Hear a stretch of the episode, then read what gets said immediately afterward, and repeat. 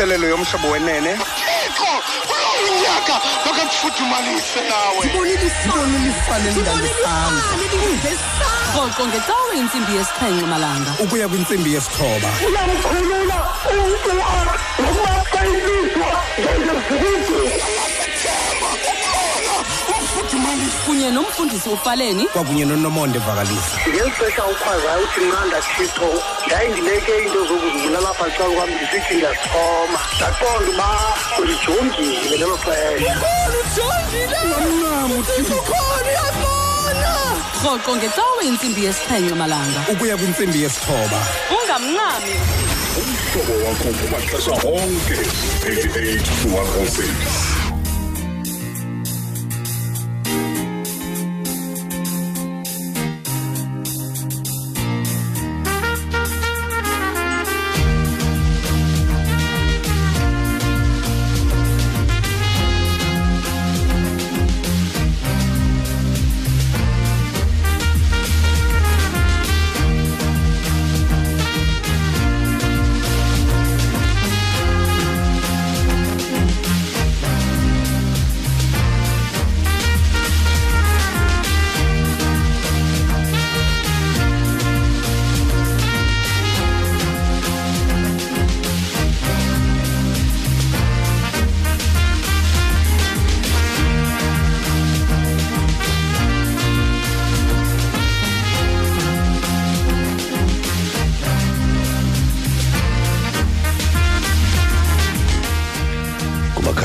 kumakhaya ngamakhaya kwindawo ngendawo niphulaphuleni kuzo.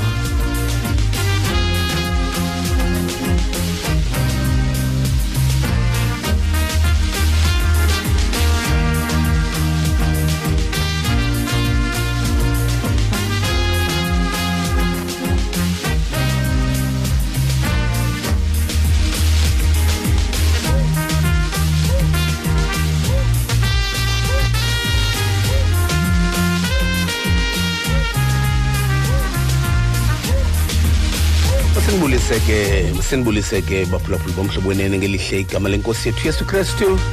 Yabona ke mfundini incwina kamandi phaya le ngoma eh sesinomonde ke mfundini make make kha- khawuyeke incwine kakuhle khawuyeke incwine kakuhle. Hayi ke mandiyeke ke nam. Kunjani ekhaya mondesi kuhle kakhulu umfundisi kuhle kakhulu ekhaya. Kanti ke xa mizuzu ngoku ilishumi elinesibini emva kwayo intsimbi yesixhenxe kumhlobo ne-f m. Mathatha lithuba ndibulise kumakhaya ngamakhaya kwiindawo zonke. Abaphulaphule bomhlobo ne-f m abaphulaphule bekuze igama lam ndingunomonde kavakalisa. Siza kuphathela kaloku thina imvuselelo kumhlobo. Sohlukana ngentsimbi yesithoba. Sikhona iindaba futhi ngentsimbi yesibhoza. Yes, ezogqibela ezandulela kumhlobo kanti ngentsimbi yesithoba siyaziqongqotha ezempelaveki um nezanamhlanje iindaba so thana Yeah. futhi nobunintsi bazo ingqokelela Yeah. yeendaba ebezenzeka ebudeni bempelaveki ngecala emva kwentsimbi yesihlanu kuziyawoyika umbethe Yeah. ngomvulo ngomso xa kunjalo ke sinibulisile ke banda kwethu ngelihle igama lenkosi yethu yesu kristu thixo xolo makaniphathe ngenceba nobubele kuba ke elethu lithi nje kuphi apho inceba kathixo ingena kufikelela khona? Xa lowo ulutshaba lwethu esibeke kuloo ndawo. Kuba ke usathana andimazi noba ukwelesithathu izulu okanye ukwelesithathu umhlaba Andimazi- uhlala phi andiyazi indlu andiyazi indlu yakhe ihlala ndiyazi indlu yakhe iphina.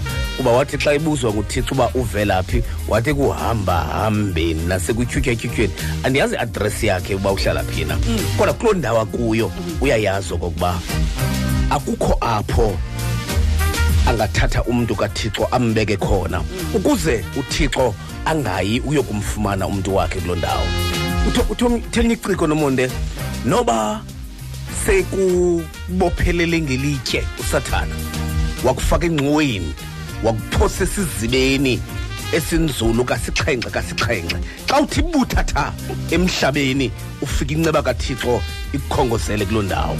Kuba akukho apho uthando nenceba kathixo. Yiloo nto umpostile upawulos esithi ubabalo likathixo lukwanele.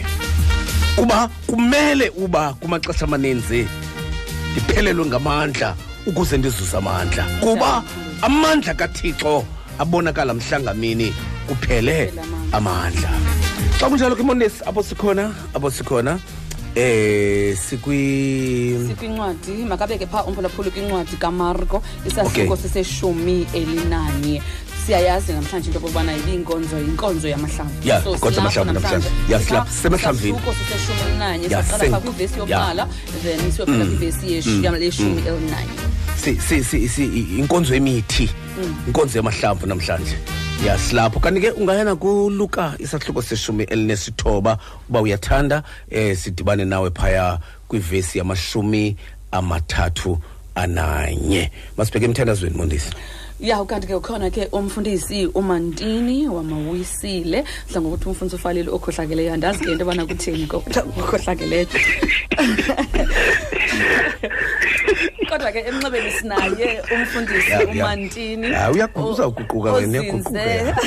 guquka ekhohlakaleni kwabo ozinze phana eqonce king williamstown um besinaye ke ngenkonzo Ya, ya, kakuhle into wayithethayo wathi abantu abazawuphumelela kulo nyaka ngabantu abazawuvala abazawuvala indlebe kwizigxeko um nakwizibukiso Ewe, ndisayikhumbula kakuhle. so ukhona ke namhlanje nguye umntu ozazikhokhela and kuguquka rhoke umantini ndiyamazi ndiyayazi Hawu, nam guquka hayi rhoke. ndiyamazi shem secinga ngala Ungazi- mhlumkhulu hawu ungazuhambe nayo indlela Jonga ende mfo- ngala mhlumkhulu Ya. kwakunzima nokusijonga. hawu kwaku- waguquka kusasa guquka ya yabona uba ukhohlakeleyo uyaguquka ekukhohlakeleni kwakhe enze okulungileyo mfundisi wam um Nkosi, basize Nkosi. kuwe bawo um sifuna ukucela nje okokuba Nkosi um kakhulu. uthixo um asincede mfundisi wam kuba inene sakuncedwa nguye inkosi yami inkosi yami sibulela mandithabathele ithuba nam mfundisi ufaleni kwakunye nosisinomonde nkosi yami ndibulise kubaphulaphuli bomhlobo wenene.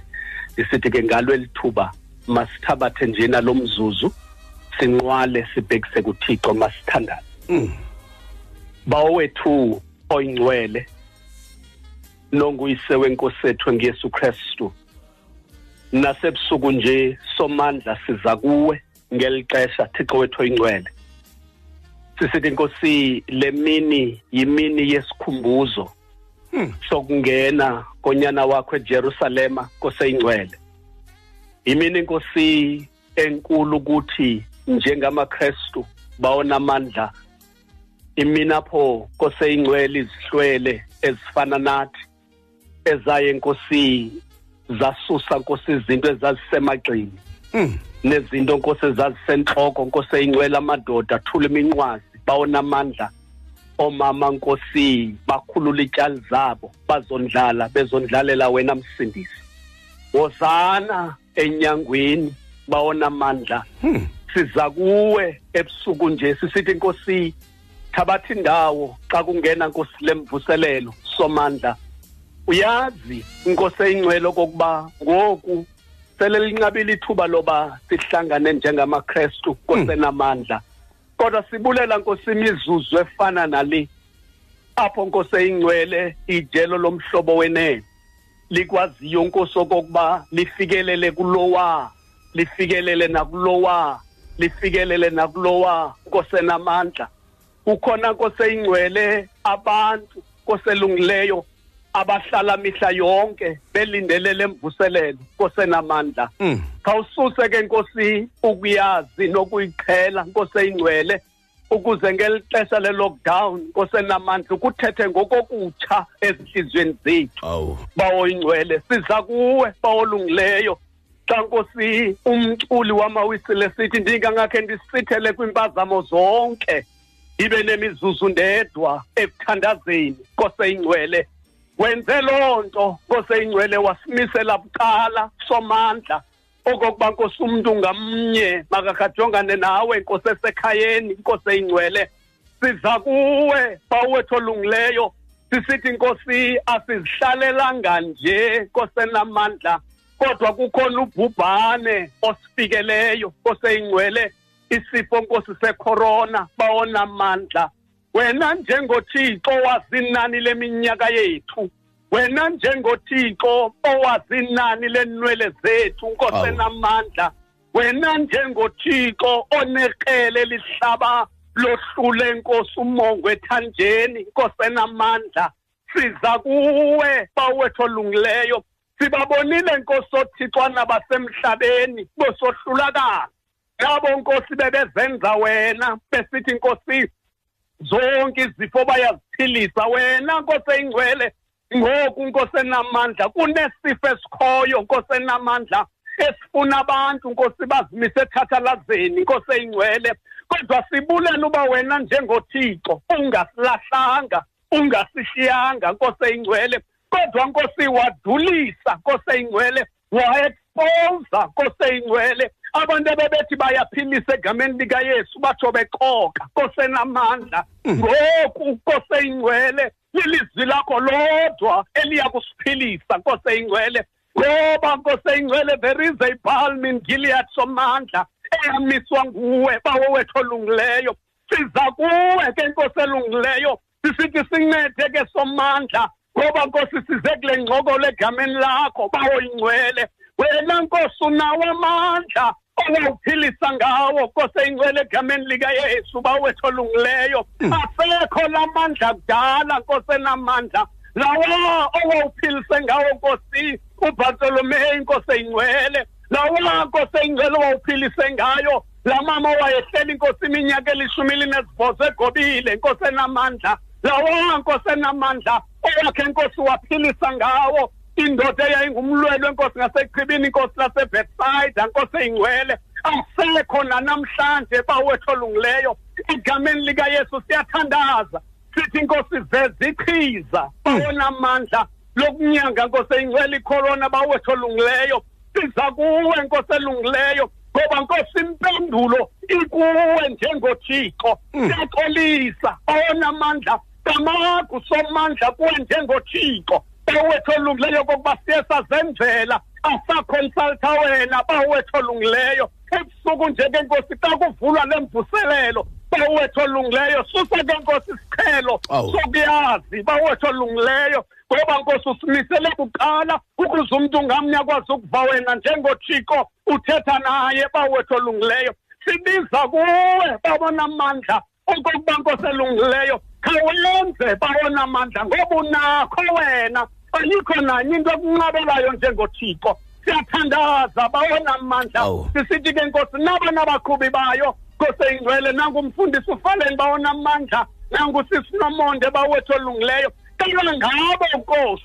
Uthise nkosi indebe zemilebe yabo nkosi enamandla utshisa ulwimi labo nkosi enamandla ukuze nkosi ebusuku nje somandla ilizwi lakho lawubekwa bawethu olungileyo. Kubekho nkosi umboni oyawuguquka ngale mini bawonamandla. Siza kuwe sibekwe nesi noogqirha inamandla abakwi-front line bawonamandla. Ngoba nkosi xa bephuma mihla yonke ulirisk ukubheka emsebenzini. Ngoba nkosi eyingcwele singayazi. Okokuba nkosi bazawubuya besaphilana beseyingcwele bengakhange ba-infected bayenamandla siza kuwe. Bawethu olungileyo sisithi nkosi sibeke namapolisa namajoni. Xa kufuneka nkosi eyagcina ucwangco. Bawethu olungileyo kubantu nkosi abadala. Nkosi enamandla ebekumele uba abadinga ukujongwa. Bawethu kulungela nkosi sisesafana nabantwana. Nkosi enamandla kwawuthiwa kuthi masingayi ngaphi?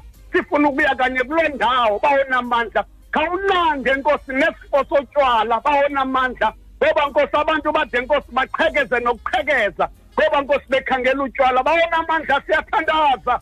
Veza icebo bawethu olungileyo veza icebo. Ukuba inkosi sonile siyaxolisa nkosi eyingcwele kodwa uba ngusathana wena unamamandla okumtshabalalisa nkosi. Neengcambu zakhe siyathandaza. Nkosi ke sikelela nkosi eyingcwele. Lo mthandazo esiwenzayo ebusuku nje ugcina abantu bakho nkosi kule nkonzo ezawungena kule nkonzo yamahlamvu sikelela uthamsanqelise nkosi ke sithembe wena masingaze ke sidaniswe ngokristu inkosi yethu. Amen. Amen. Amen mfundisi wam Amen. siyabulela kakhulu makube kuhle nakuwe. Kakhulu mfundisi womthixo ndisikelele siyabulela. Thixo- thixo akuphathe ngenceba nawe mfundisi wam nkosi bawo siyabulela. Nkosi bawo ayifikanga igalelekile ipasika yomhlobo wenene. FM umhlobo wenene fm ukuphathela amazwi asixhenxe amazwi asixhenxe aliyeza intuthuzelo kwimiphefumlo ebuthakathaka. Phulaphula abashumayeli abaphuma kwingingqi ngengingqi. Kanye ngeli xesha le-lockdown umhlobo wonyene fm ukuphathela inkonzo yamazwi yasixhenxe kuwe endlini. Kulo mhlobo wenene masazoba sinalo xanduva lokwamkela iinkadaba zikathixo ezizizisa phantsi kwephiko likathixo. Ngentsimbi yesithoba ngolwesihlanu umhla weshumi kule nyanga ka-april. Mphulaphuli ndifuna ukuthi kuwe kukho mna nawe kule equation. Njengoba sijongile nje oyena mntu ucelela uxolo ndim nawe mphulaphuli vumela umhlobo wakho wenene ukuphathela inkonzo yamazwi yasixhenxe kanye kanye kuwe endlini. Ungaphoswa. Ungaphoswa unomhlobo hlobo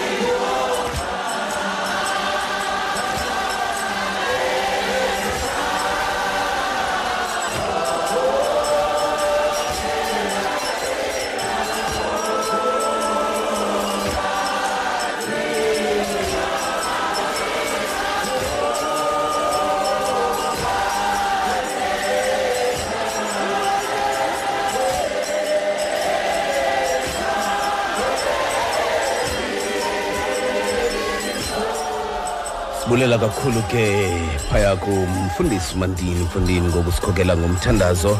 Xa kunjalo ke baphulaphuli sikuni sikuni ke ngoku sikuni ke ngoku. Eh si, si sibambe indawo ezimbini apho kuse singa singakuphosi mshumayeli. Sibambe indawo ezimbini uza uza kunika unomonde kodwa kodwa mandu mandu- mandukunike nje le ntshayelelo. Mandikunike le ntshayelelo. Sikuncwadi kaluka isahluko seshumi elinesithoba klavesi yamashumi mathathu ananye. Sikuncwadi kaluka isahluko samashumi seshumi elinesithoba klavesi yamashumi mathathu ananye. Kanti ke unomonde yena uzawufunda kwincwadi ka marko isahluko seshumi elinanye ivesi ke kum ipha um yivesi yesibhozo. Vesi yesibhozo. Ivesi yesibhozo. U- ungasilinda ke kuloo ndawo ke emshumayeli kuloo ndawo kodwa umxholo uyesu ngena ejerusalem. Ngena ejerusalem uyesu. Phambi koba phambi koba si- sibheke kuloo ndawo phambi koba sibheke kuloo ndawo make make ndifunde nje incwadi kaluka. Eh make ndifunde nje incwadi kaluka. Eh ndiyasondela ndiyasondela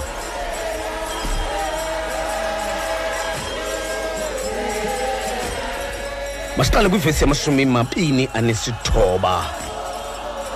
Kwathi akusondela ebetefange nasebethani esingise entabeni ekuthiwa yeyeminquma wesusa ababini kubafundi bakhe. Wathi hambani niye emzenani uthile ukhangelene nani? Nothi nakungena kuwo. Nifumane esile. Ithole le esile libotshelelwe ekungazange kuhlale mntu phezu kwalo. Likhululeni nilizise. Kodwa ukuba kukho ubani obuzayo esithi yinina ukuba nilikhulule?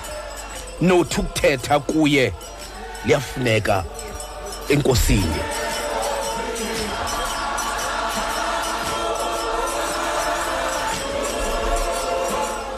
Akakufuthumalise nawe. rhoqo ngecawe intsimbi yesixhenxe malanga ukuya kwintsimbi yesithoba Uyamkhulula umntu nokumaqayiswa njengezibuko. Ufuthumalise. Kunye nomfundisi ufaleni. Kwakunye nonomonde vakalisa ngeli xesha ukhwazayo uthi nqanda thixo ndayindibeke iinto zokuzibulala apha ecala kwam ndisithi ndiyasixhoma ndaqonda uba ulijongile ngelo xesha. Rhoqo ngecawe intsimbi yesixhenxe malanga ukuya kwintsimbi yesithoba. Ungamncami. Umhlobo wakho kumaxesha onke 88 to 106 Ap- apho sikhona ke mphulaphula womhlobo wenene.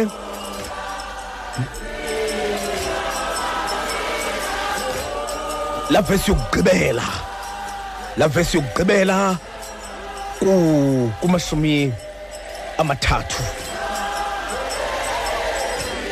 Ekungazange kuhlale namnye umntu phezu kwalo likhululeni nilizise.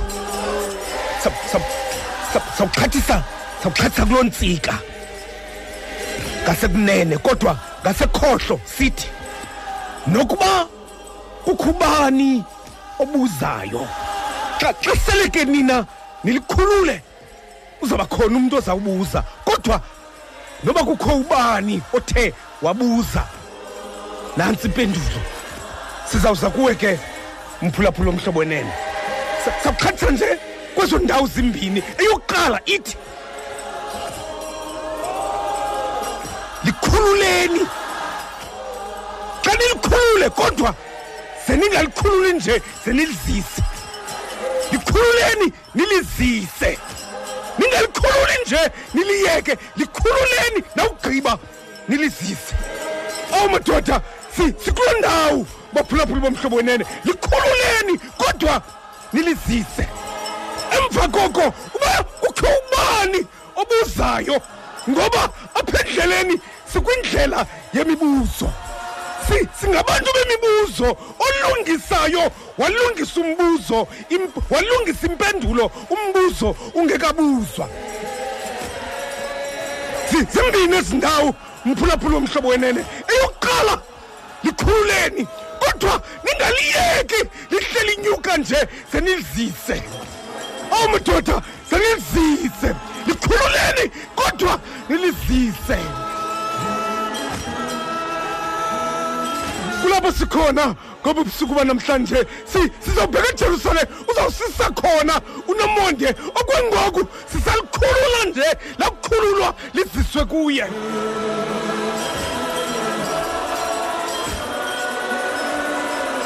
Noba kukho ubani obuzayo? Bakukho umntu obuzayo uba niyenzela ntoni le nto? Yiyo le impendulo. Amadoda unjalo onamandla onke ulungisa impendulo imibuzo ingekabuzwa. Amphulaphula omhlobo wenene sikulizwe lemibuzo nangoku sikumbuzo omkhulu ngesifo secorona kodwa olungisayo impendulo imibuzo ingekabuzwa. Uba kukho ubani obuzayo zenithi liyafuneka enkosini?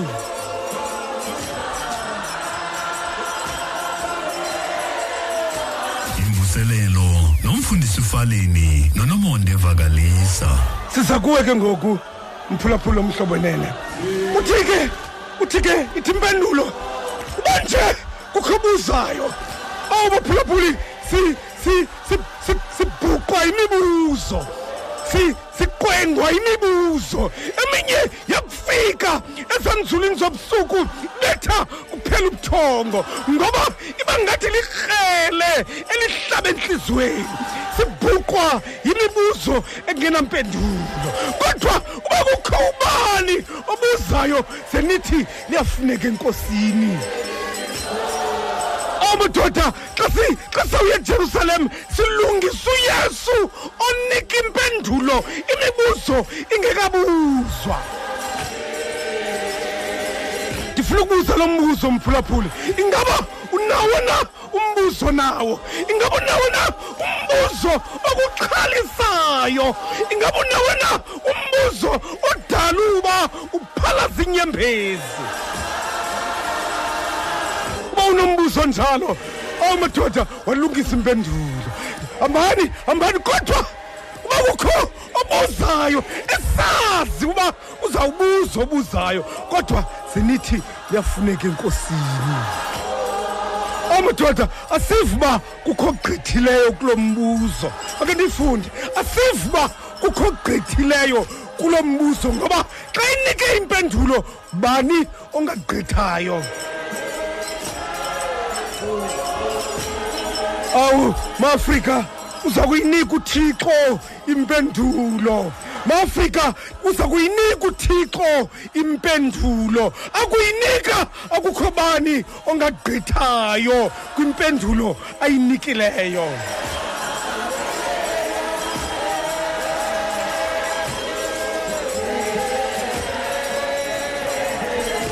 Phambi koba ndize kunomonde make ndiyifunde. Make ndiyiphinde le ndawo ndiyifunde. Ndithe isahluko seshumi linesithoba ivesi yamashumi amathathu um ukuya kulaa vesi yamashumi amathathu ananye. Nokuba ubani uyabuza? Engathi nje engathi nje uyesu ukhona ozawubuza. Ngoba ibeyazi loo nto. Engathi nje ukhona ozawubuza. Kodwa ke xa nihlangene naye lo uzawubuza zenithi kuye akwaba uthixo ebenganika impendulo. Mphulaphula omhlobo wenene akwaba uthixo ebenganika impendulo embuzweni wakho namhlanje ngoba uyayazi uyesu uba ukhona onombuzo. Nangoba ubusuku banamhlanje uyayazi okokuba ukhona obhuqwa yimibuzo edala okokuba kuthi kulelwe ngabanye bekrona kungehla ubuthongo ngenxa yemibuzo. Esengqondweni yakhe. Make ndifunde make ndifunde nomonde. Asuka ke baya apho bebethunywe khona. Bafumana kunjengoko ebekutshilo kubo. Awu madoda ibizawuphose kanjani loo nto? Bafumana kunjengoba ebetshilo kubo. Uyesu. Imvuselelo yomhlobo wenene. Thixo kulo unyaka makakufuthumalise nawe rhoqo ngecawe intsimbi yesixhenxe malanga. Ukuya kwintsimbi yesithoba. Uyamkhulula umntu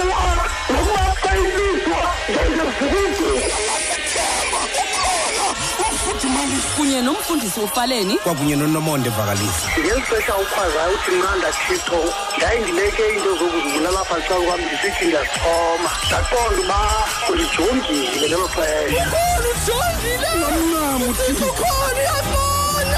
Rhoqo ngecawe intsimbi yesixhenxe malanga. Ukuya kwintsimbi yesithoba. Ungamncami umhlobo wakho kumaxesha onke 88 to 106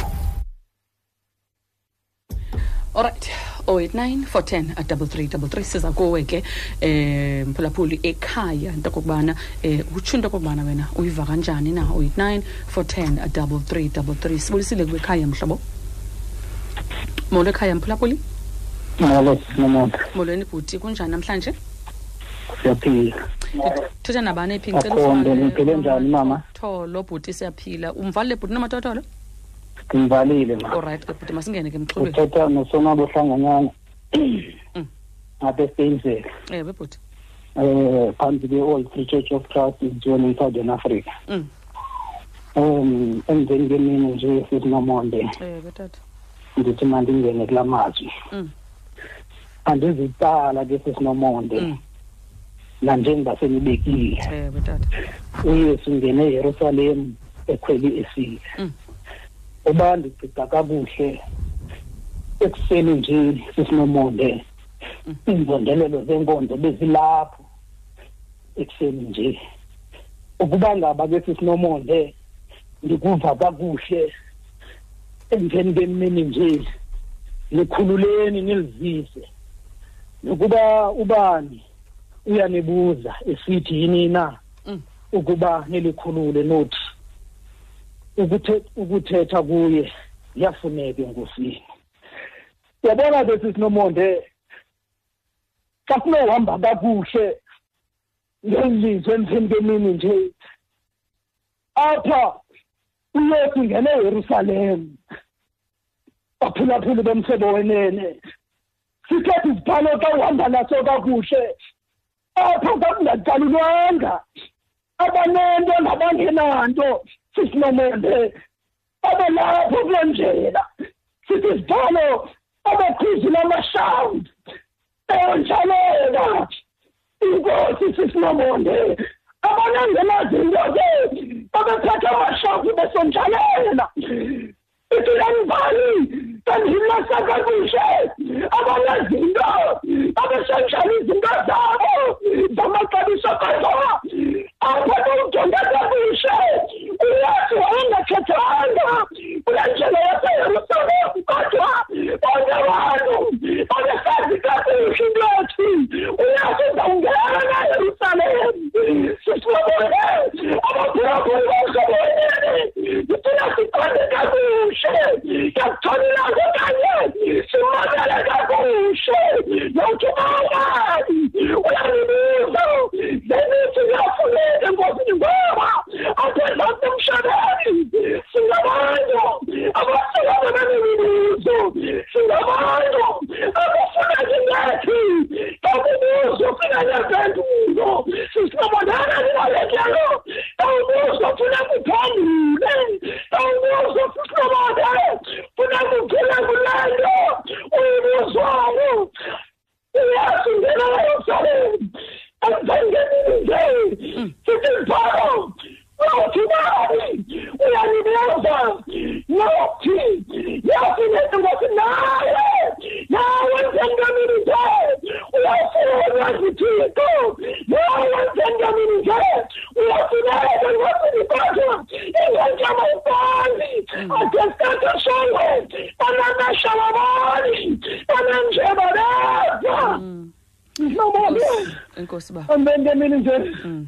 Mandulele sisinomoya Mm.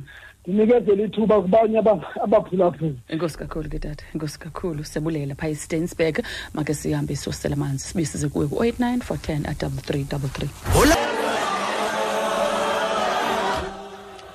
Sikuwe ke ekhaya. 089 410 at double three double three. Sibulisile kuwe ekhaya mhlobo. Ezema molo tata.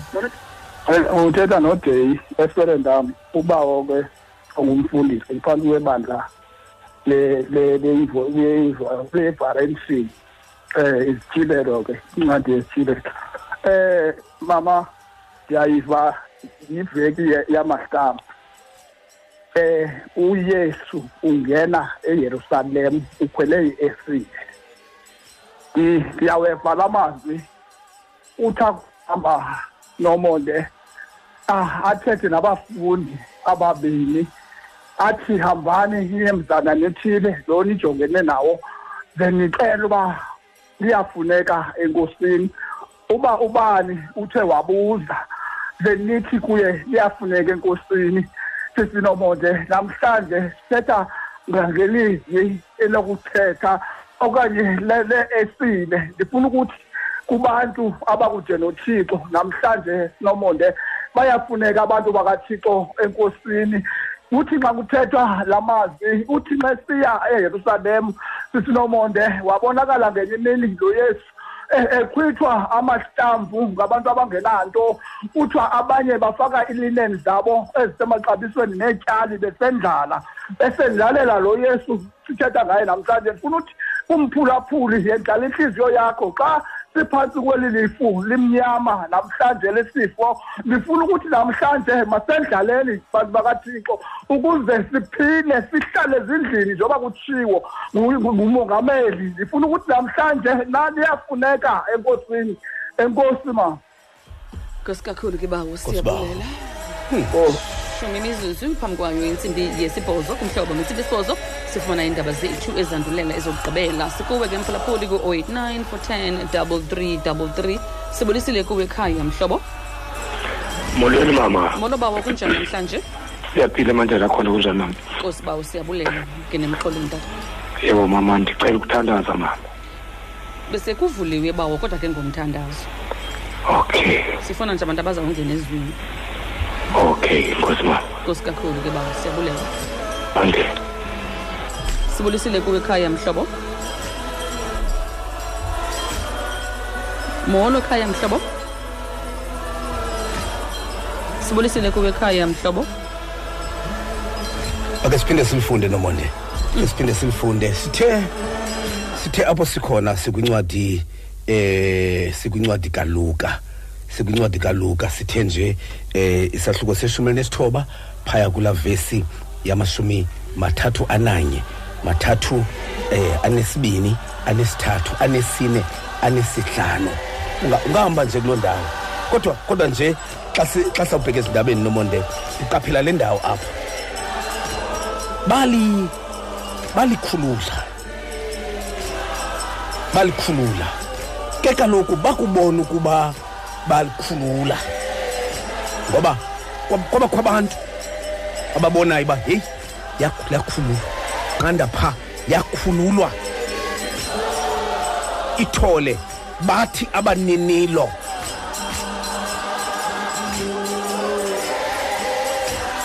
Bathi abaninilo kubo nilikhululela ntoni? Nilikhululela ntoni?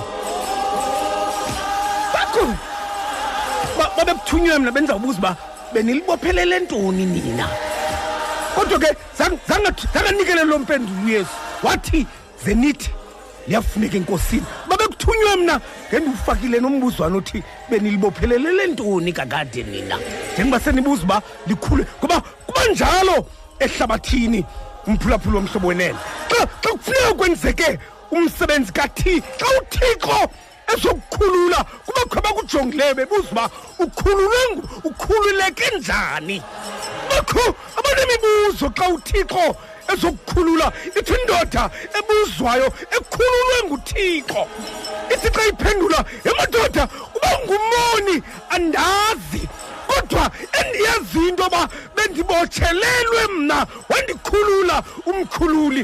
Ngoko ke uba ngumoni andazi nto mna. Ngoko ke ngoko ke babuza babuza okokuba heyi heyi nilikhululela ntoni? Bathi bona njengoba uyesu bebeyalele. Bathi kubo emfondini liyafuneka enkosini. Emphulaphula omhlobo wenene kuphendula imibuzo apha. Phendulwa imibuzo apha. Ungayixhaleli imibuzo yakho.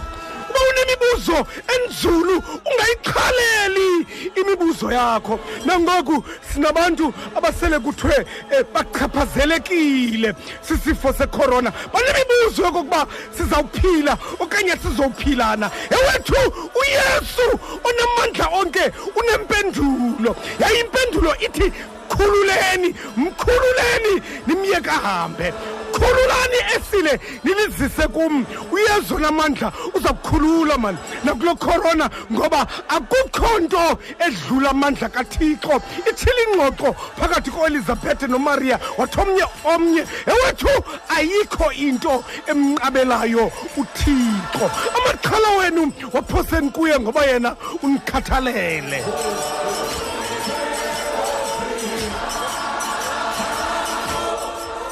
xa si xa sibuya ezindabeni xa sibuya ezindabeni nomonde uzasisejerusalem nomonde asisejerusalem nomonde okungoku sisatshayile amabala nje besakhulule esile ukuze inkosi yethu yesu kristu ithi liziseni kuyo iziseni kuye ngoko ke ungabinaxhala uza kukhulula umkhululi. Ungabinaxhala noba noba unaso sekuthiwe kuwe esifo secorona unaso ungabinaxhala umkhululi uza kukhulula ngoba akukho namandla okhululayo ukudlula yena. Kuyiloo nto sisithi kuwe mphulaphula womhlobo wenene ngoba ubusuku banamhlanje. Xa ingena ejerusalem engena engxakini xa ingena kwisixeko sengxaki khumbula udavide waphalaza iinyembezi kweso sixeko eleqwa nguabsalom Nen- neenyembezi zikayesu zaqhobhoza umhlaba kanye kwindawo udavide ewayelilela kuyo ngoba kuba njalo kakade xa kuzawungenwa kwisixeko sasejerusalem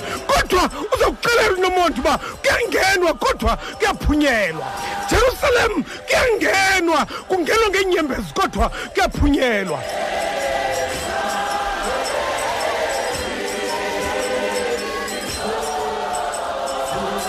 Bakukho bani bakukho ayi babu babu uyesu uyayazi uba babuza abantu. Babuza abantu ya udown udown talk down talk nomuntu babuza abantu bazawubuza okokuba ni- nilisaphi? Walungisa impendulo. Ungaxhali ungaxhali xa ingqondo yakho imanizala imibuzo. Uba kuzawuthini ngoku? Ndizawuthini ngomso? Suxhala ukhona ophendulayo. Noba izawuvela ezanzulwini zobusuku ukhona onempendulo ingekabuzwa.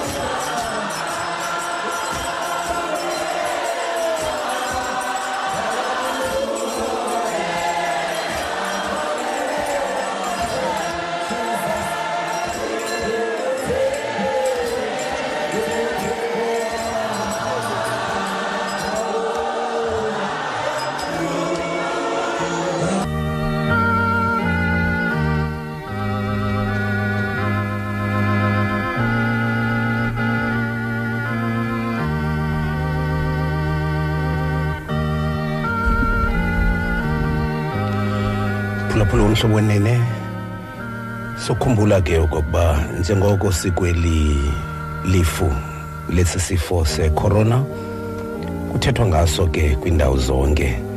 Siyabona ke okokuba iphulo lebhunga letyalike emzantsi afrika lisoloko ke lisenza imithandazo yenkuthazo neentetho zenkuthazo kubantu. Sibamba ke ngoku umfundisi usoka okokuba naye eh asenzele lo ntetho umthandazo kubemi bomzantsi afrika. Masithandaze. Wena unguthixo wamaphakade onke ongabonakaliyo ongonakaliyo. Wena unguthixo ongumsindisi wethu. Nangalo ke lithuba sikunika lonke uzuko. Kuba wena ulufanele. Ngalentlwa ngalo lithuba kumkani sisondela kwitrone yobabalo lwakho. Singalungisanga sinjalo singamakhoboka esono. Kuba singenzanga oko bekufanele kuba sikwenzile. Sazibhaca thixo wam sisenza oko besimele singakwenzaka kuloko ke kumkani oyingcwele ndicela usixolele ubuye usihlangule kubugwenxa bethu. Sithe bawethu osezulwini singacingelanga sisenza unothanda emhlabeni. Wavuma wena okokuba esi sibetho sifike kwizidalwa zakho ezo zidalwa zakho ezisithi sizibhaca thixo wethu sisesithokothokweni sobumnyama.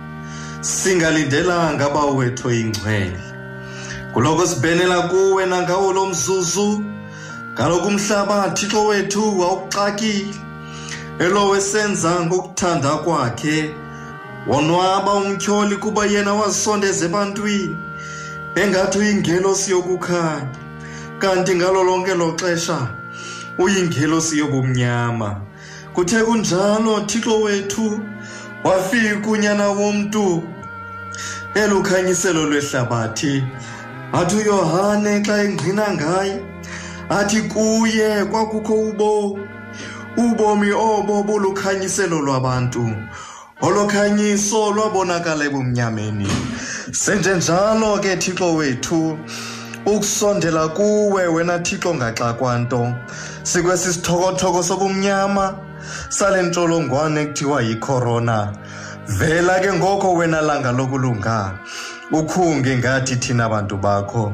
Siyaleza amadoda amakhulu namakhosikazi wena thixo wam othe wawanyulela ukuxoxa iindaba zevangeli yakho. Faka ke ngoko ilahle emilonyeni yabo. Ukuze bangadinwa ukukhuthaza abantu bakho ababakhokelayo ngeli xesha linzima. Siyazi ke thixo olungileyo sebekho nabo sebeyiqalile inkonzo yasekhaya. Okokuba thixo wethu uzubomeleze wena bangadinwa mthetheleli woxolo. Bakhona nabo mthetheli woxolo ngalo mzuzu basemagunyeni ngakumbi nangakumbi. Umongameli weli lizwe sibasondeza bonke kuwe thixo wam okokuba wena ubaphe ubulumko bokuthi bajongane nale meko. Siyaleza thixo wam bonke abemi beli lizwe nabo bangayiqondiyo thixo olungileyo ingozi yesi sifo. Thetha wena thixo ukuze abantu bakho beve. Sebekho thixo olungileyo phakathi kwabo nabo sele bephelelwe lithemba. Sebencamile msindisi odume ngokulunga. Fikelela nalapho kubo wena mzalo ngaxakwayo ngoba wena ulithemba elimi- elimiweyo lamaxesha onke. Siyazi ke thixo olungileyo xa sisondela kuwe wena unguthixo zivayo thixo olungileyo izikhalo zethu. Yiyo loo nto umdumisi xa thixo olungileyo ibalisa ngebali lamasirayeli athi babhenela kuwe thixo wam bekhohliwe. Waza wena wabakhulula kwezo ngxaki zabo. Wabakhokela ngendlela thixo olungileyo ethe ngqo thixo wethu odume ngokulunga. Sithi ke ngokomsindiso namandla enkosi ngako konke wena selusenzele. Siyazi okokuba nale thixo olungileyo iza kudlula. Kaloku wena ungumongameli wethu. Wazi konke sikusweleyo amen. Amen. Sibulela kakhulu ke phaya kumfundisi usoka ngokusikhokela ngomthandazo ke.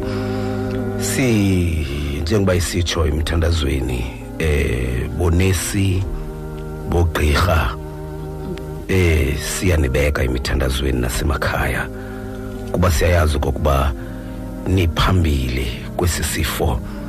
Siyanibulela kakhulu ngokubeka ubomi benu kuloo ndawo ukuze kusinda abaninzi amapolisa omzantsi afrika esihlangana nawo ecaleni kwendlela namajoni eh azama ukunceda isizwe sethu. Ngabantwana babantu siyanibeka nani emithandazweni uthixo makanomeleze amajoni karhulumente opremier no-mec nabo bonke ababekwe lo msebenzi emagxeni abo. Ndiqinisekile njengoba besitsho upresident akukho challenge umzantsi afrika owake wahlangana nayo enjengale ithemba lethu likuni maqobo namaqobokazana. Siyanixhasa emthandazweni. Siyanibona nizimisele. Qhubekekani phambili. Makube njalo siyanithandazela isizwe sethu singonakalelwa nikhona. Kodwa siyanixhasa emthandazweni. Ayingawo onke amaxesha eniza kuva kusithiwa kuni niyaxhaswa. Kodwa yazini okokuba umzantsi afrika usemva kwenu ngemithandazo. Siyanixhasa uthixo makaniphathe ngenceba ke nobubele.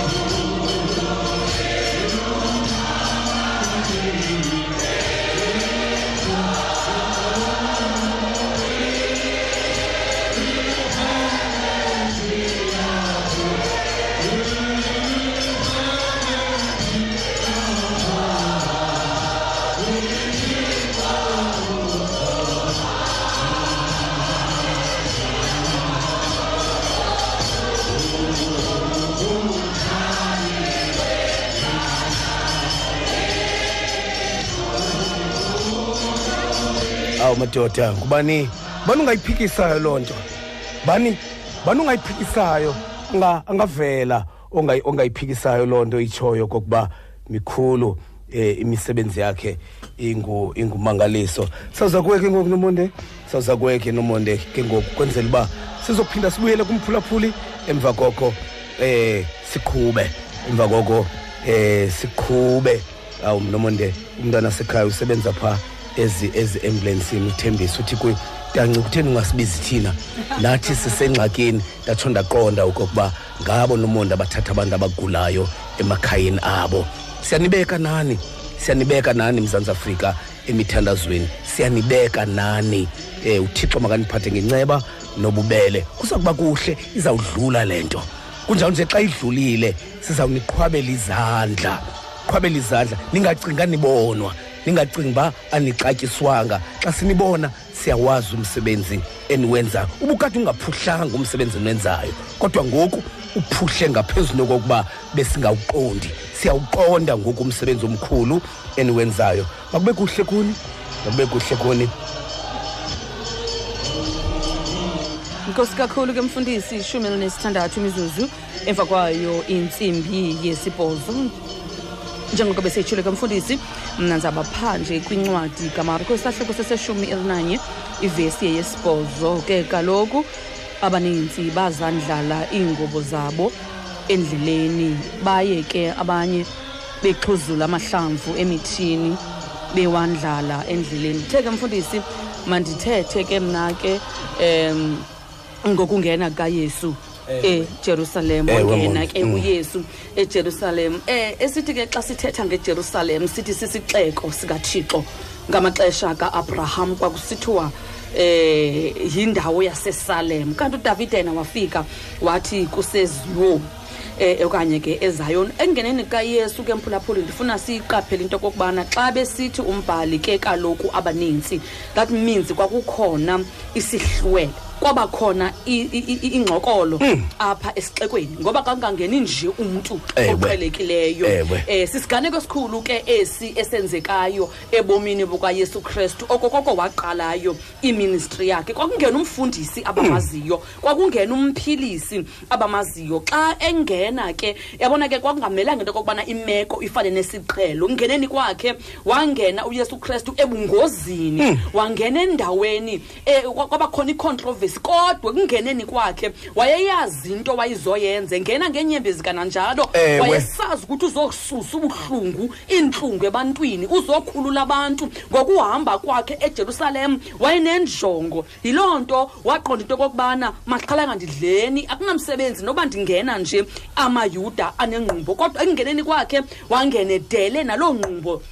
Yawo amayuda ndithanda into okokubana zithi izibhalo esamile kwintaba yeminqumo ejonga ijerusalem wasibona isihlwele ubana simlindile sikulungele ukuba simbone xa simbonayo ngena um zithi izibhalo wa- bazala imincili badanduluka ngendumiso besithi hosana makabongwe lowo uzayo bazondlala bazityanda bazondlala iintlungu zabo um bakondlala ukwaphuka kwabo bayondlala indumiso bakundlala ukutyumka kwabo ngoba kwakungene lowo oze ukubasindisa akungena eyerusalem ehamba nge-esile um kwakuzalisekiseka isiprofeto esasikhutshwe nguye uzakharaya uthixo wayithembisene ukubana ukhona endimlung- endinilungiselele yona Ewe. ikumkani wozuka Ukhona. igorha empini nguye ke lona ongenayo ozokhulula abantu bakathixo ozohlamba izono zehlabathu uyesu ak- akangenanga ehamba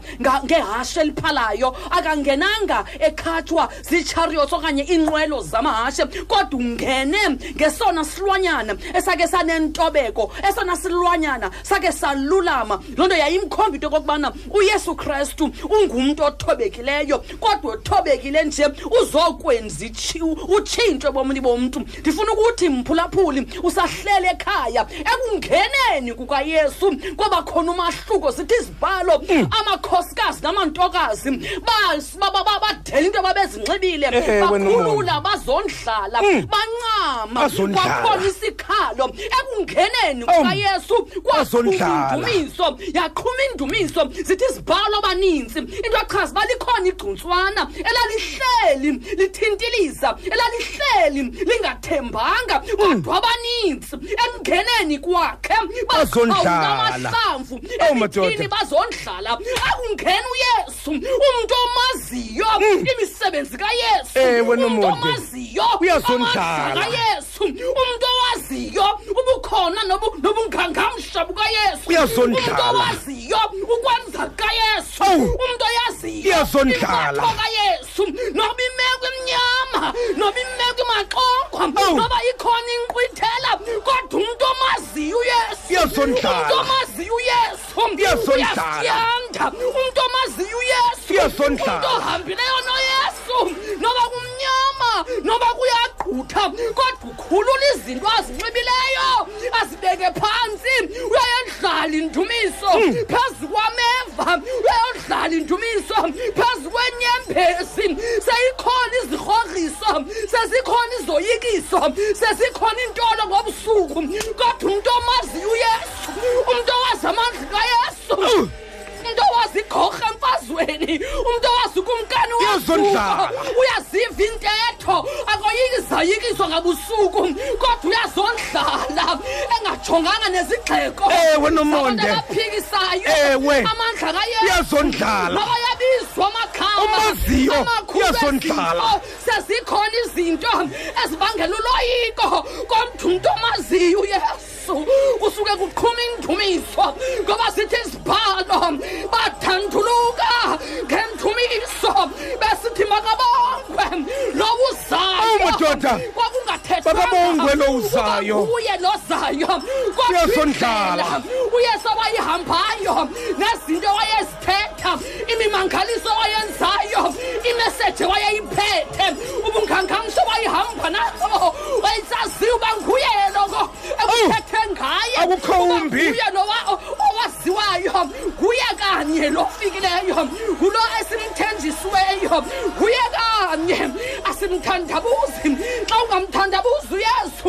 Wazi amandla akhe. Uhambile naye. Usuke uzendlale sezikhona izinto ezibangela into okokubana uthandabuze. Naku yesu engena ngokungena kwakhe samanxi isixeko. Everything yathi stand still. zemizinto. ngoba yayingenile kumkani yosuko wayingenile kumkani. Wanganjamva udavide esithi lele kayehova ihlabathi nenzaliseko yalo. Elimiweyo. aqhubekathi phakamisani inhloko. Ingeni kumkani yozuko phakamisani inhloko aphinde abuza athi ngubani lo kumkani wozuko Ewe. athi ligorha emfazweni Uyova igorha Esisihlwele emfazweni. ezininzi sazijongene nemfazwe ngemfazwe. Lasuke langena igorha emfazweni langena phakathi. igorha ikhona imfazwe abajongene nayo. Hmm. Mzantsi afrika phakamisani inhloko zenu. Mzantsi afrika fear not. Mzantsi afrika be still and know that he is still god. Regardless into siyijongileyo kodwa phakamisani. Inhloko zenu angene kumkani wozuko mhlawumbe nimvalele kumkani wozuko phakamisani inhloko. Lingene igorha emfazweni. Ngokungena kwakhe bathanduluka ngendumiso xa wazi imisebenzi xa kuthunywa ubudumise. Iyazenzekela le nto ngoba umlilo ngaphakathi umkhulu unamandla. Ngokungena kwakhe kwakumele kukhaphuke indumiso. Ngokungena kwakhe kwakumele kubonakala umahluko. Ngokungena kwakhe kwakumele kucace uba ingenile kumkani yekumkani asingakwazi isimo. Uba sihlale sifana kungena kumkani yozuko ngokungena kwakhe. Sesikule nkonzo yamahlamvu mhlawumbe ubuqhela ukuya ube ngumbukeli ifuna ixesha uvula umlomo uthanduluke ngendumiso uthi wosana makabongwe lo uzayo athi udaniyeli kwincwadi yeshumi athi abamaziyo bakomelela bezizinto ezinkulu. Those who know their god shall be strong and courageous and do exploits. Lixesha lokume emthandazweni umnikeza indumiso esangena eyerusalema kwisixeko sikathixo esangena eyerusalema athi uabraham indawo ekakuthiwa kusesalema athi udavide indawo yaseziyoni lixesha lokuthanduluka ngendumiso umyalezo endikushiya nawo mphulaphuli into okokubana ekungeneni kwakhe izimo ziyaguquka ekungeneni kwakhe ubuhlungu buyaphela ekungeneni kwakhe izifo ziyaphila ekungeneni kwakhe izimo ziyaguquka ubuke wadibana naye engeneni kwakhe. Izinto ziyatshintsha. Akwazi ukungqubana okanye ukugagana naye. Isimo sakho siqale sifana. Themba ukholwe ngoba uyehova unakho uyesu unakho esangenile ejerusalema ayiphindanga yafana naqala ngokristu inkosi yethu. Amen.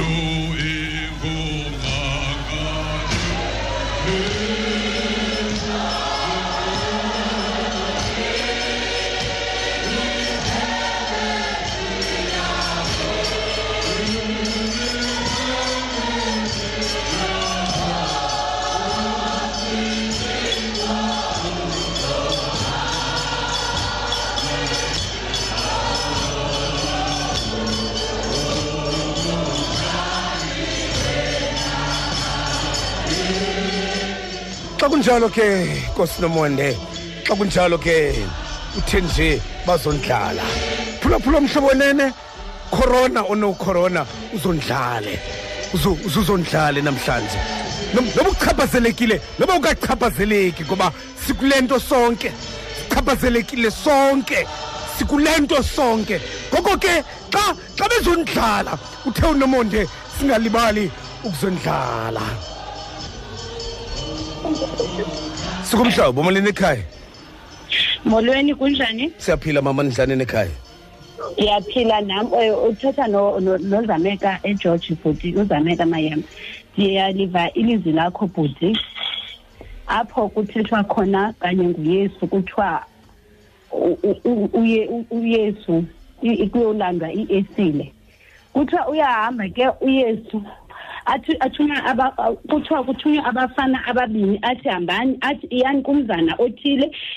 Apha kuthina ufika khona iesile athi libotshelelwe athi nawuthi ke xa nifika phaa nilikhulule xa yafika ke abafana bayalikhulula ke esile kuthiwa bakhona abantu ababuza nayo ke ababuzayo uba kuthiwa nilisaphi na. Nawuthini baphendule nithi kubo liyafuneka ke enkosini. Lixesha elinzima kanye elitata xesha elinzima ekufuneka sizithobile kuyesu. Ixesha abantu abanekhorona abafumanekileyo. Siyababeka nakuthixo siyabayaleza uba sikwazanga ukuya nasezinkonzweni. Sithi sikuwe ke thixo nange- nangalo mzuzu asikhalalanga enkosi tata. Siyabulela kakhulu ke mama. Siyabulela kakhulu ke.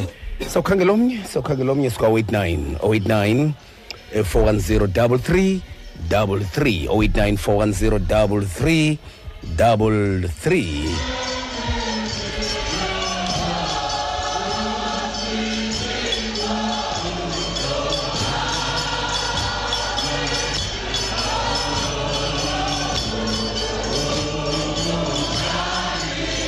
ungumdali wezulu nomhlaba. Mikhulu mikhulu. Ingumangaliso imisebenzi yakho. Iba mikhulu sele uphala linyembezi ewethu akayeki uthixo ukuba mkhulu kuba izinto zingakuhambeli kakuhle. Akaziyeki uthixo ukuba mkhulu kuba izinto zingakuhambeli kakuhle. Uba mkhulu sele inceba liphala ligazi kodwa abe mkhulu uthixo ibe mihle imisebenzi yakhe. Ngoba ungumdali wezulu nomhlaba. Madoda mikhulu ingumangaliso.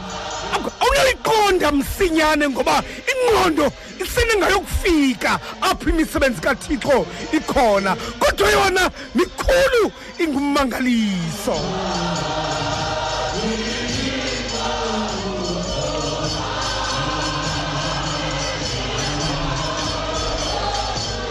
Sikumhlobo molweni ekhaya? Molweni tata kunjani siyaphila bawo ninjani nekhaya? Kuhle tata khona uthixo uyasinceda. Mm. Ndithi mangeningene mangendihlangulule nje Man- mandive kuwe bawo ewe tata mm. ndiva kakuhle ngathi ndithetha ngomarko Mm. lishumi linanye Mm. uyesu ngene ejerusalem ewe bawo nkosi yam inkosi ozukwama ibe nabantu mm. ngoku siku- sikwisihlandlo sokuba uyesu xa yengene ejerusalema phambi koba ngene ejerusalema uthuma abafundi ababini kubo uthi kubo hambani niye kumzana lo nijongene nawo. Kulo mzana nijongene nawo nakufika kunetholele esini. Libotshiwe ze nilikhulule nize nalo. Obubani uyanibuza ze nithi liyafuneka enkosini. Nawo ngoku kwizinto zonke ezenzekayo uthixo ungumalusi futhi uthixo lona ulusa abantu abafuna ukwaluswa. Ngoku kukho izinto ngezinto nazi icorona zikhona. Kodwa ngoku sinethemba uyesu kristu xa engena ejerusalem uzothulela imithwalo. Uyesu kristu abanye abantu abangenazinto bamondlalela amahlamvu. Abantu abanezinto bamondlalela iingubo zamaxabiso. Kodwa kusekuseni ke ngoku mna nawe sondlala intliziyo ngoba uyesu ungumalusi wethu. Tata mandibaleke kosibawo kosibawo kosibawo xa kunjalo ke xa kunjalo ke sele sizawu siza sawuza kuwe sawuza kuwe sibheke engomeni phaya phambili. Emva koko ke eh siqukumbele. Ebe- ebesifuna ukukushiya nje kuwe mphulaphula omhlobo wenene. Besi- besithe besithe kusasa xa besilapha.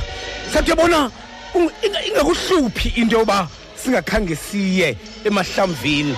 Esinawo angaphakathi. Angaphakathi kakade amahlamvu. Amahlamvu angaphakathi. Uyesu wangena ngaphakathi ejerusalem kwezi zethu inhliziyo. Wangena apho uyesu wenza umohluko wafika wafika izinto zi- ziphantsi naphezulu ejerusalem. Isixeko senkohlakalo isixeko senyembezi. Kodwa ke wakuphumela sikumhlobo molweni ekhaya. Molweni molweni tata. Ufaleni molweni sisinomonde phantsi komcimbi wombuzo tata wam xa ixesha sesingena kwi-injury time lokokubana ubani uthi uyanibuza ze nimxelele into yokokubana liyafuneka bawufaleni ejerusalem. Ndifuna ukuthi bawufaleni nangeli xesha apha emzantsi afrika ngeli xesha kwihlabathi liphela siphila kwixesha lombuzo. Kanti ufaleni simane sizibuza okokubana thixo kuzodekubengini na? Thixo kutheni le nto kusenzeka kanje? Siyazibuza ukubana thixo uvumela ntoni na abantwana bakuba mabasafarishe thixo sisifo sekorona mthetheleli woxolo kodwa ukuba ubani uyanibuza ze nimxelele nto kokubana eli efile liyafuneka ejerusalem umbuzo bawufanele uhleli abantwana okokubana bazawubhala ntoni na sizawuvula izikolo izawuphela le tata ufanele le lockdown bazawuthi bawufika esikolweni abantwana abangenazo ii-laptop abangenazo izimartphone bazawubhala ntoni na bawufaleni kodwa nto ihleli bawufaleni okokubana uyesu namhlanje bawufaleni uyodlalela tata wam udlalela ejerusalem. Abantu abangenanto bawufaleni bakhulula iqhiya bakhulula ityali bawufaleni bayamodlalela bathi abantu abafumileyo bawufaleni bandlela iilineni zodidi bawufaleni kodwa umbuzo uhleli tata okokubana tata ubone uyanibuza ngenimxele into okokubana liyafuneka ejerusalem eli efile bawufaleni lizawuthwala. Umntu bawufaleni onyathela kanye endleleni onindlela uphendula nophi nophi? Umbuzo esezawuthi simbuze wona. Singabantu basezantsi emhlabeni. Ndithi tata mandivulele nabanye abantu. Uthetha nosistandi kulo mhlaba wasekels river bawufaleni enkosi sisinomonde uthixo nisikelele nkosibama nkosibama nkosibama. Eh sesawuhamba ke ngoku sesawuhamba ke ngoku sesawuhamba ke ngoku. Saw- sawude sihambe ke ngoku. Sawude sitshayise nathi ke. Eh inja- injalo ke eh injalo ke inkonzo yasereyidweni. Sawude sit- sawude- sawude sitshayise sawude sitshayise. Hmm, kodwa ke umhlobo neni uza uza- uza kugcina ngolosihlanu ukugcina ngamazwi asixhenxe ngolosihlanu gcina kakuhle mhlobo wenene. Ndike ndababona phaa beyididiyela mfundini beyididiyela eh ngendlela efanelekileyo. Makesi makesi makesibheke evenkileni mondesi makesibheke evenkileni. Kule ndim mfundisi. Ewe ewe le inguwe ivenkile le inguwe. Mm, masilamkeleni ikhwelo lokunqanda ukusasazeka kobhubhane wentsholongwane yecorona um njengabemi. Ukusweleka komntu omnye kufana nokusweleka kwabanintsi. Idlala indima yakho ngokuhlala ekhaya kuvula umgama phakathi kwabanye ukuhlamba izandla zakho ngesepha namanzi. Imizuzwana engamashumi eh, amabini 20 seconds ukugquma umlomo wakho xa uthimla okanye ukhohlela ukuba neempawu ezingephi. Hlala ekhaya ubuncinane iintsuku ezilishumi elinesine. Um mzantsi afrika sinako lungiselela khusela phumelela niyiphathelwe yibrand south africa.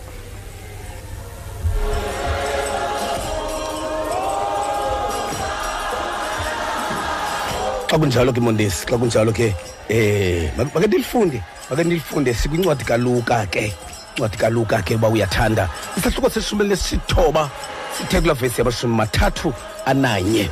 Wathi hambani niye emzenani lo ukhangelene nani? Yabona babesihle entabeni ewe babesihle entabeni ngoku ke umzi nanku phambi kwamehlo abo. Yani kulo mzi phambi kwenu njengoba nisihla kule ntaba yeminquma? Nothi nakungena kuwo xa ningena emnyango kulaa mzi nifumane ithole le-esile botshelelwe awumadoda uyazi uyesu uthixo akaceli permission mntwini ngento yakhe. Aceli permission mntwini kuthiwa nje xa ikunceda uthixo akaceli permission kummelwane. Ngoko ke linda ithuba lakho. Xa ikunceda uthixo akazukucela permission emntwini. Bakho abantu abathi xa bathethayo bathi bona awunawuya ndawo ngaphandle kwam. Ewethu singaye endaweni ngaphandle kwakho. Xa uthixo ethanda singaye endaweni ngaphandle kwakho. Noma ucinga uba une- unamaqhele okubopha kwindawo abantu bangayindawo. Ewethu ngabakathixo uthixo xa ethanda inene akaceli permission ntwini yiva pha yiva pha uthini? Yiva pha uthini? Nothi xa ningena kuwe laa mzi awumadoda ni- nizofika ningene bafika ningene kulaa mzi. Mphulaphula omhlobo wenene linda ithuba mani linda ithuba. Uthixo akungenise kwiminqweno yakho. Linda ithuba. Ungabi sisixhaka sabanye abantu kuba ucinga uba ikamva lakho lilele kubo. Ewethu ikamva lakho alikho mntwini likuthixo.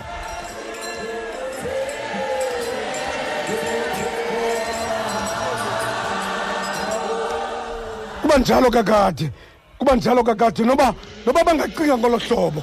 Ba- bakhona abantu abacinga ngolo hlobo. Bakhona abantu abacinga uba ikamva labanye abantu lilele phakathi kwabo kuba benamandla kwangoku okutsixa amacango athile. Ewethu khawutsixe ngoku kodwa ikamva lakho lilele kuthixo. Bayeke abatsixayo batsixe kodwa ikamva lakho likuthixo. Kakade bamele ukutsixa amacango okungena ukuze uthixo avule icango legaraji wenza njalo kakade uthixo. Uyabayeka batsixa amacango endlu uthixo avule legaraji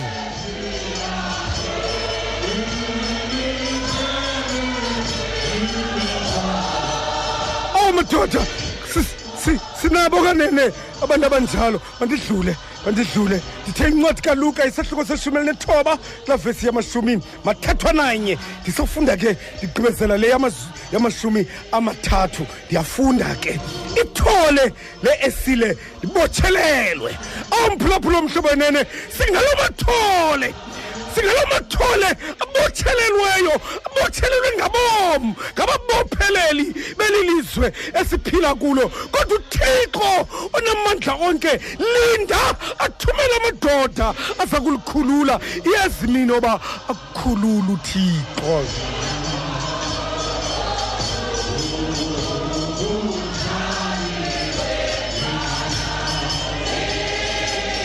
Ngoba mikhulu ngoba mikhulu imisebenzi kathixo kunjalo nje ingumangaliso ngoba yena ungumdali wezulu nomhlaba.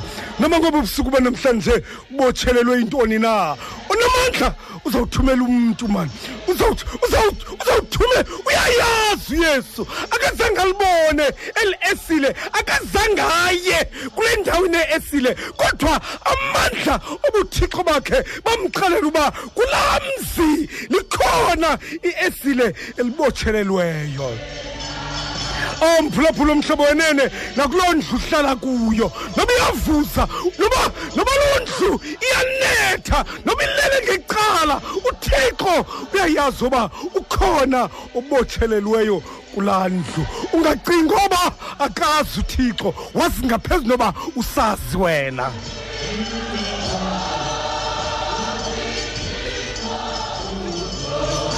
Akuzange kuhlale mntu phezu kwalo. Likhuleni lizise oh mphulaphuli yeza lo mini.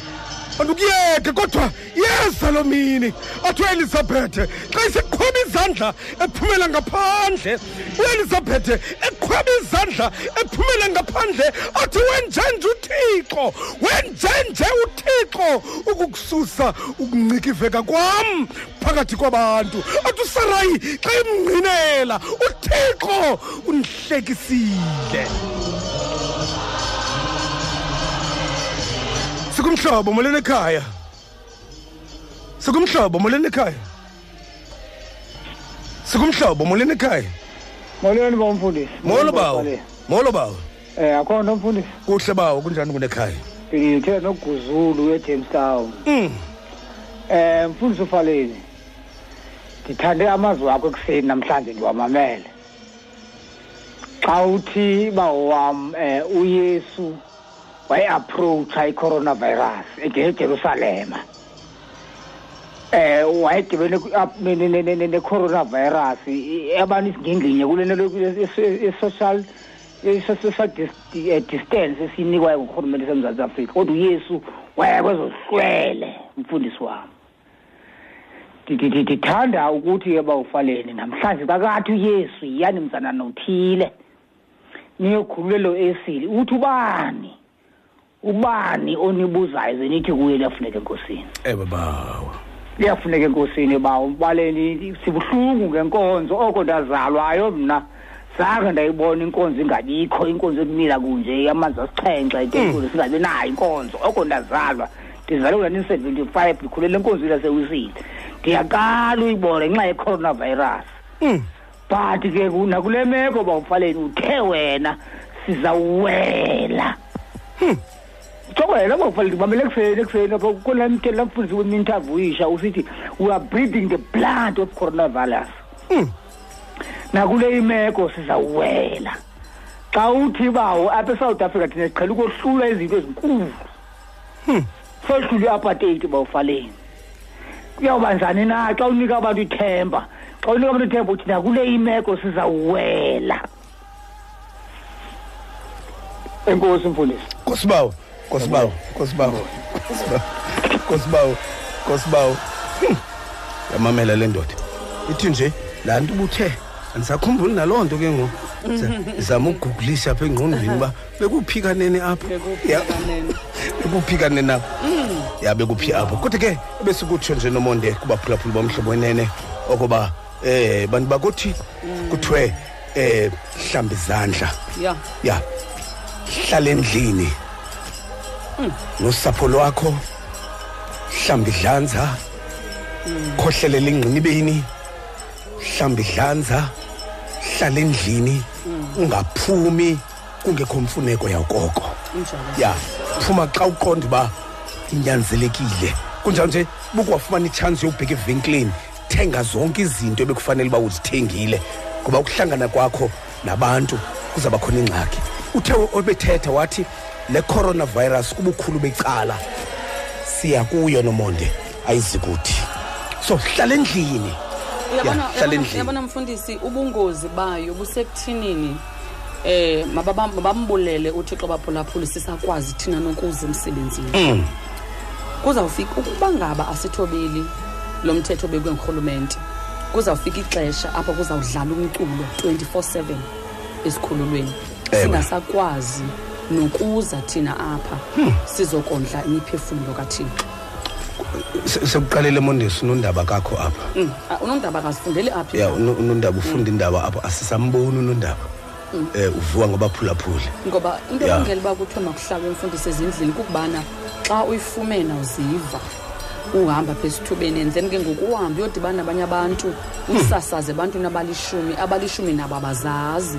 Bayawuyisekwa abanye endaphe that's why amanani ekhula kakhulu kangaka ndimkhumbuze nje umphulaphula into yokokubana mna ke bendibetha phaa kwincwadi kamarko isahluko Ewe. seshumi elinanye ivesi iye yesibhozo ke kaloku abaninzi bazandlala iingubo zabo Ewe. endleleni baye ke abanye bexhuzula Ewe. amahlamvu Ewe. emithini Ewe. endleleni fundisi xa mna ndishwankathela nje ndizawugqibelisa ndifuna ukuthi lixesha lokuzondlala mphulaphuli Ixesha Eli mhlawumbe lokuzondlala. besiyenza ibe lisiko into yokubheka enkonzweni yamahlamvu Ewe. eh siyenza njengesiqhelo kodwa uthixo usifundisa into yokokubana ezaa ntsuku kuthiwa kuzawufuneka uve ilizwi likathixo kube abashumayeli bevalwe imilomo. Mm. Li- liyeza ngoku Mm. ukuzilungisa oku. Okubalulekileyo zithi izibhalo abaninzi bazondlala okubalulekileyo kulixesha sijongela kukuzondlala. Nokuba wondlale ntoni kodwa kubalulekile kuzondlala. Ngoba abantu babengenazo iingubo ondlala amahlamvu ongafumananga hlamvu wondlala ingubo. Kodwa okubalulekileyo wonke umntu wondlala into awayenayo esondlalela inkosi yokumkani wozuko. Yondlala loo nto mphulaphula unayo ikhona into ongayendlala nokuba yintoni? Ungathi andinanto kondlala khangela ikhona into onokuyondlala ngeli xesha nje. Wondlale nje inyembezi unokuthixo uzuko ngenyembezi wondlala indumiso wondlala unqulo wondlala umthandazo Ewe. uintaside yazi mfundisi ndithanda into okokubana kweli xesha nje sidinga ukuba sizikhumbuze nangezithembiso zikayesu uyesu Ewe. uhleli Mm. nabafundi bakhe kuyohane 1633 uthi uthi uthi "E- ehlabathini niyakuba nembandezelo ngaloo maxesha kanye la embandezelo kodwa sidinga ukukhumbula uba sikhona isithembiso kuyesu asilandelisayo Ewe. esithi khona ezimbandezelweni phakathi khona kwicorona phakathi khona ekupheleni kwemisebenzi khona ekuthandabuzeni ungazi uzawutya ntoni khona ekwenzekeni kwezinto ungalindelanga Ewe. khona ngesaquphe. Kodwa uyesu unguyesu wesaquphe. He is the jesus of suddenlies.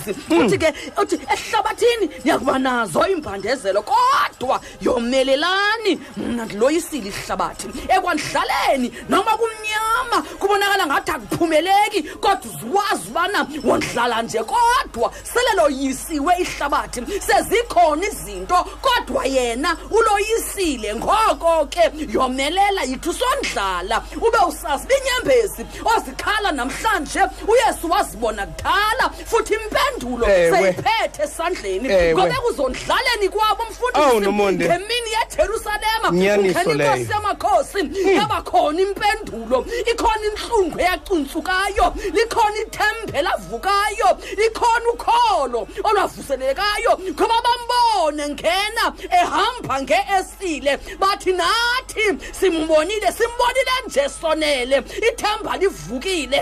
Aqina madolo ngoba sidibene nenkosi yenkosi eyake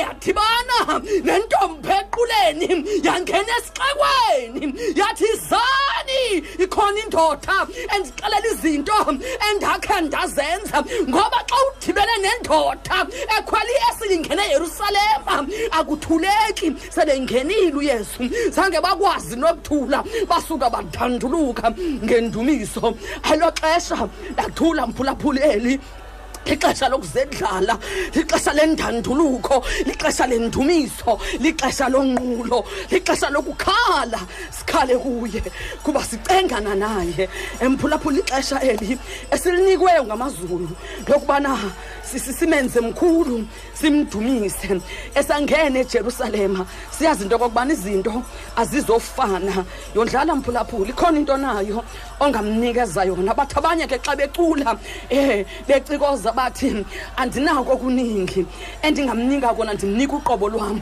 Siyayazi into okokubana intliziyo eyaphukileyo nomoya otyumkileyo akasayi kuzidela engazange asidele nje calvary ungulowo ongasayi kuzidela nangesi sihlandlo nje. Mfundisi masigoduke lixesha lokuba siyozendlala. Ewe. singxamele into Eh. okokubana sihambe siyozondlala nathi. Ya xa kunjalo mondesi eh isingathi kukho kukho loo ncwadi endiyifumana kusithera. Eh uthi uthi uthi mayibheke emoyeni. Eh mayibheke emoyeni mondesi ndibheke emfuni eh andikuthi hayi ndiyayibona ubana lena ayisuki kumama wam unombulelo because bibisuka kuye ngeyithe diye sana lo wam. Isuka ku isuka Hayi, kumdikoni- ngeyithe diye isuka sana lo kumdikoni kumdikoni usithera ewe ndimqondile. Yeah, benxibishudimandimxele ke benxiba ishoti ke namhlanje nehempe ebhanyabhanya. Andiyazi andihamba uhlangana phi ne- ne- ne- ezinto zifana uba ziphungisuka kubaphathi okanye uphethe ngokusithera ye mfura andifuna andicela ungathethi mna. Kodwa ke unogolide sheme beke wayithetha ke bona nje into kunayo andayifumane kodwa Ewe. ke sifuna ukuthi nje fumana iinkqubo ezilungiselelwe ukuncedisana nabafundi bebanga leshumi.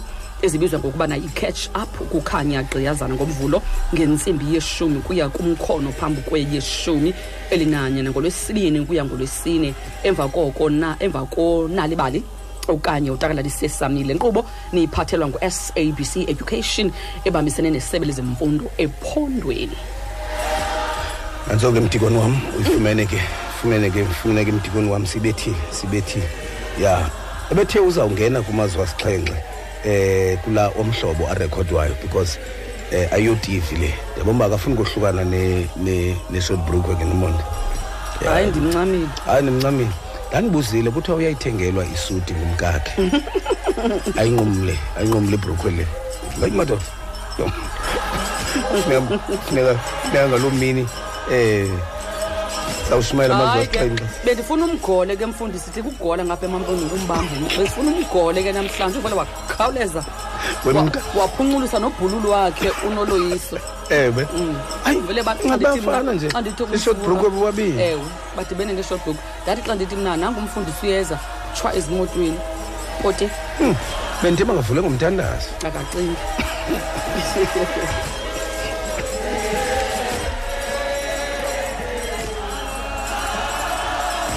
siyathandaza. Bawethu oyingcwele somandla msindisi na umonwabisi thixo wam lelakho eli lizwe ladalwa nguwe singekho thina. Nenjongo yokulidala kwakho yaziwa nguwe. Awuthixo wam yeyiphi kakade injongo wena? Okay ngamini thile? Wabelane nayo kunye nathi. Bawuthi ingcwele sisondela kuwe thixo wam. Ngethemba lokokuba akakho ufana nawe. Sibeka ilizwe lomzantsi afrika. Thixo wam sibeka thina. Sibeka ingcali ozawuthetha ngazo wena ukuze kuvele ichiza. Awuthixo wam unalo ichiza. Thetha kaloku njengoko uqhela ukuthetha. Awusomandla nceda abantwana bakho.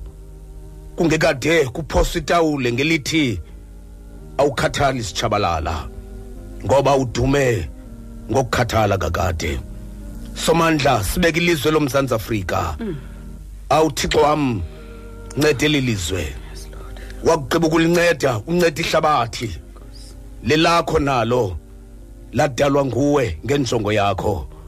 Awusomandla beka amadoda namantokazi owanike igunya lokuphatha wasebezela enhliziyweni awusomandla xa wasebezela wanika ubuchopho. Thixo wam obukrelekrele bokucinga nokukhokela ngeli xesha somandla phakathi kwamadoda esiwabekayo sibeka laa ndoda thixo wam eyanyulwa nguwe. Ekhokelayo kweli lizwe lomzantsi afrika. Xhasa le ndoda. Awusomandla iyabonakala oba intlungu yethu ilele emagxinayo kumele uba njalo kakade. Ixhase somandla ngexesha oyinikileyo. Kuthande wena oba mayikhokele ngeli xesha lobunzima. Ixhase somandla. Awuthixo wam uxhase umoses ecaleni kwendlela. Kufike izifo. Ngezifo ezifana nezi wamxhasa wena. Xhasa le ndoda thixo wam. Uyixhase namanye amadoda akhokela kunye nawo. Xhasa laa ndoda thixo wam eyongamele ezempilo. Yixhase somandla. Xhasa namanye amadoda namantokazi aphetheyo kweli lizwe lomzantsi afrika. Awusomandla lixesha ngoku thixo wam. Lokuba baxhamle inkuleko abantwana bomzantsi afrika. Kutheni thixo wam ngexesha kanye? Lokuthi wasiweza sahlangana bawutho ingcwele nento enjengale. Hamba ngaphambili. Sinethemba loba izolo ubunguthixo olungileyo oke wasixhasa kweli lizwe. Uba busixhasile izolo uyakusixhasa namhlanje. Awunasizathu. Sangakusixhasi ngomso. Yenza njalo somandla. Ngaphandle kwakho asikho thina. Ewe mzali kunjalo. Sibulela kuwe ke egameni lenkosi yethu yesu kristu. Babalo lenkosi yethu yesu kristu uthando likathixo naye ongubawo. Ubudlelwane bomoya ingcwele phumle buhlale kuthi idibuye inkosi yethu yesu kristu. Bonke abakholwayo. Bathi amen. Amen